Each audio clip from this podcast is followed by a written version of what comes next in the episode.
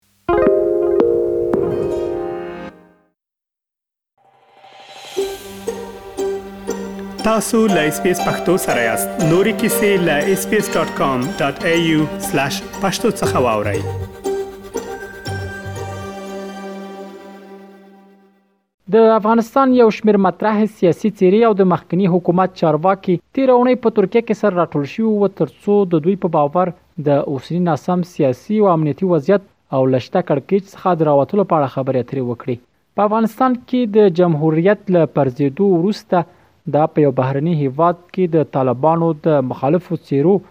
لومړنۍ علني غونډه وه په دغه سیاسونو کې پخوانی جهادي رهبر استاد عبدالرب رسول سیاف د ولسی جرګې پخوانی رئیس میر رحمان رحمانی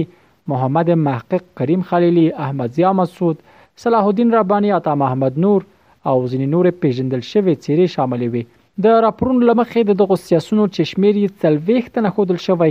د افغانستان د ژغورلو لپاره د مقاومت عالی شورا په جوړېدو هوکړه وکړه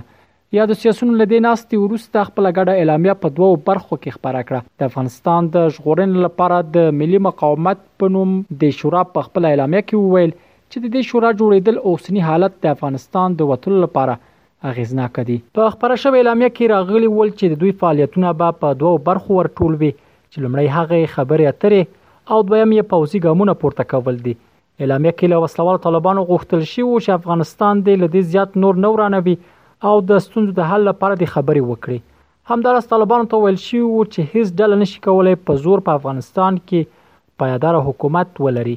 خو پوښتنه دا ده چې آیا عام افغانان له دغو سیاسونو چې په تیر شلو کلونو کې په تیر جمهوریت نظام کې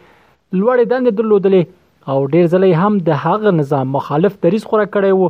له دې وروسته ورڅخه کومه تمه لري او کنه یو شمېر افغانانو د همدې پوښتنې په ځواب کې له اس بي اس رادیو سره په خبرو کې وویل چې دا څېرې آزمایل شوې دي او نور باید خپلې ناکامې تجربې او هڅې تکرار نه کړي د دوی په وینا په ترکیه کې د دغو سیاسونو راټولیدل د ملي ګټو پر ځای خپل ګوندي ګټو ته ترجیح ورکول دي چې په همدې پار د دوی استازیتوب نشي کولای دغه شمېر افغانان د وسلهوالو طالبانو له سرپرست حکومت څخه هم غواړي چې هغه څیرو او سیاسي مشرانو ته په خپل حکومت کې ونډه ورنکړي چې په تیر جمهوریت نظام کې په فساد ککړ ول او تل یې د افغان ملت په حق کې جفا کړې. د یو افغان ځوان په توګه باید ووایم چې په دې سیاسي لیوانو باور به د هر افغان لپاره د حماقت اوج وي. تاسې ګورئ دا موږ یو نه څو ځله ازمویلي دي دا سیاسي لیوان دا خپل چاري سیاسیون چي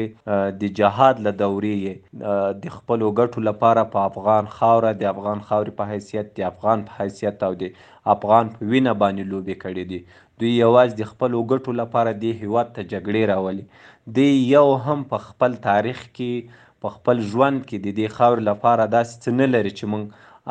ځوانان پرې بیا باور وکړو دوی په خپل ژوند کې دې خاورې ته له جګړې، وحشت و دهشت ما سوا کومه ګټه نه ده رسولې. دغه سیاسیون یوارې ولس ازمایلي دي، دوی خیانت کړی د افغانانو سره او دوی نه د هیڅ ښو تمقو توقع نور نه شي کیدلې. زموږ غوښتنه هم له طالب چارواکو څخه دا ده چې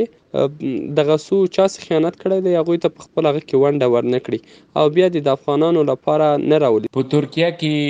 د پخواني حکومت چارواکو او یا د ډلو ټاپلو مشرانو راټولیدل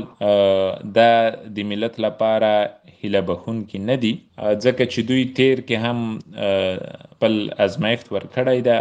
همدغه دوی و چې جمهوریت د طالبانو په لاس سقوط شو غلاګانې دوی وکړلې فساد دوی وکړو قومي سمتي ژبني تعصبونه دوی کول او په ټوله کې د د جمهوریت د ضعیفوالي لپاره دوی هغه سوژې وي یا دوی همدا زمينه برابره کړې وه نو هغه دری کې متل ده چې از مدر از مدن خطاست ملت له دوی نه د ښو هیله نه لري. کارپوهان هم د سیاسیونو یا د ناستې په تړاو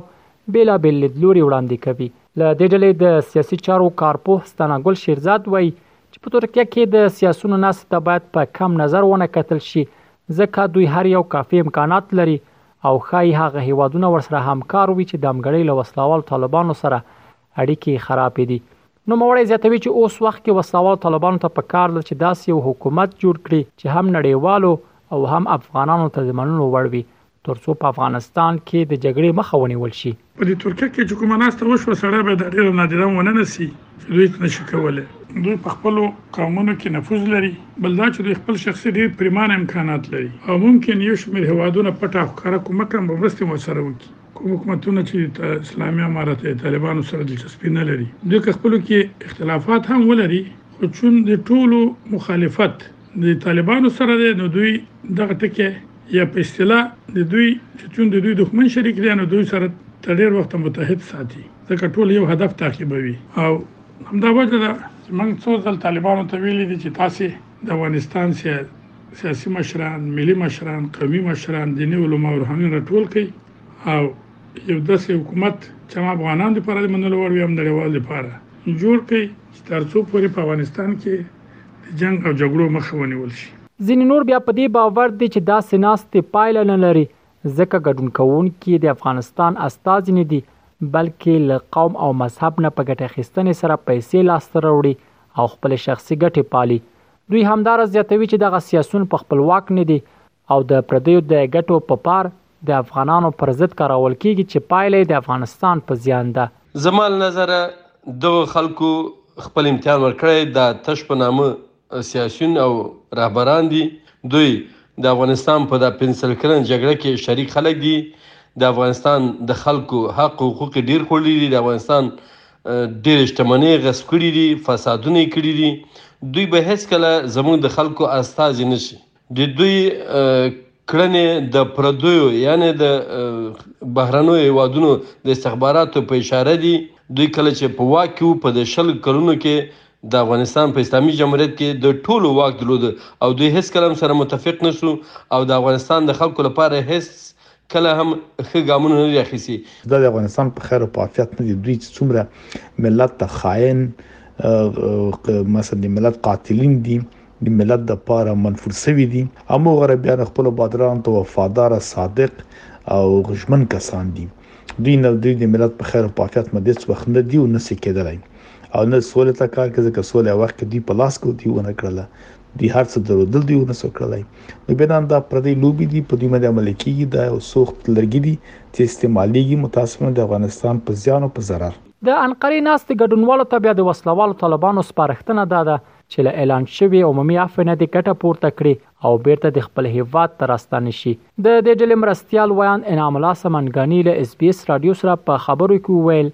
چې د دوی د سرپرست حکومت پالیسی روښانه ده او دغه سیاسونو ته یې د تفاهم لاره پرانیستې ده او دا اطمینان ورکوي چې افغانستان ته له بیا راتګ سره به یې سر او مال خوندي وي. نو اسلامي امارت خو واضحه پالیسي لري چې د ټولو افغانانو سره که په هېواد کې دننه دي او که هېواد نه بهر دي د تفاهم له لارې تعامل ولري او هغوی ته اطمینان ورکوي چې کولی شي بیرته خپل هیواد ته ستانه شي او خپلو خلکو کې واوسیږي او دلته ښه شخصي او اجتماعي ژوند ولري او د هیواد په بیارغونه کې هم برخه ولري بالمقابل که کومې حلقې بیا هم غواړي چې خدای نه خواسته د افغانستان امنیت ګواښ سره مخامخ کړي او یا افغانان بیا خپل منځ کې وویشي او یو بل سره په ټکر کې کړي بیا اسلامي امارت د خپل خلکو او خپل ولس په همکارۍ د هغوی په مقابل کې ښه کلک دریځ نیسي او کلک غبرګون ښيي اسلامي امارت هیچا ته هم دا فرصت نه ورکوي چې خدای ناخواسته افغانستان دې یو ځل بیا د کوم ګواښ سره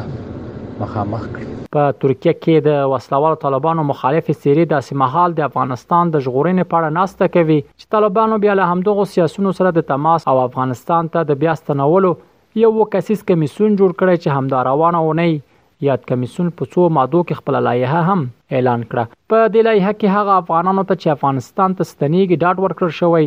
چې مشروع غوښتنې به یې پر ځای شي او خوندي به وي. طالبانو دغه ژمنې داسې مهال کوي هغه سیاسي شخصیتونه چې په افغانستان کې دننه دي د طالبانو له ډول ډول فشارونو سره مخامخ دي. خو دا چې یاد کمیسیون به څومره په دې بریالی شي چې دا سیاسیون دې ته قانع کړي تر څو بیرته افغانستان ته ستانه شي او که نه دا به د وخت په تیریدو سره جوته شي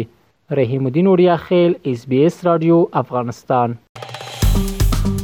که غواړئ دغه سنوري کیسې هم او رینو د خپل پودکاسټ ګوګل پودکاسټ یا هم د خپل خاكي پر پودکاسټ یو اورئ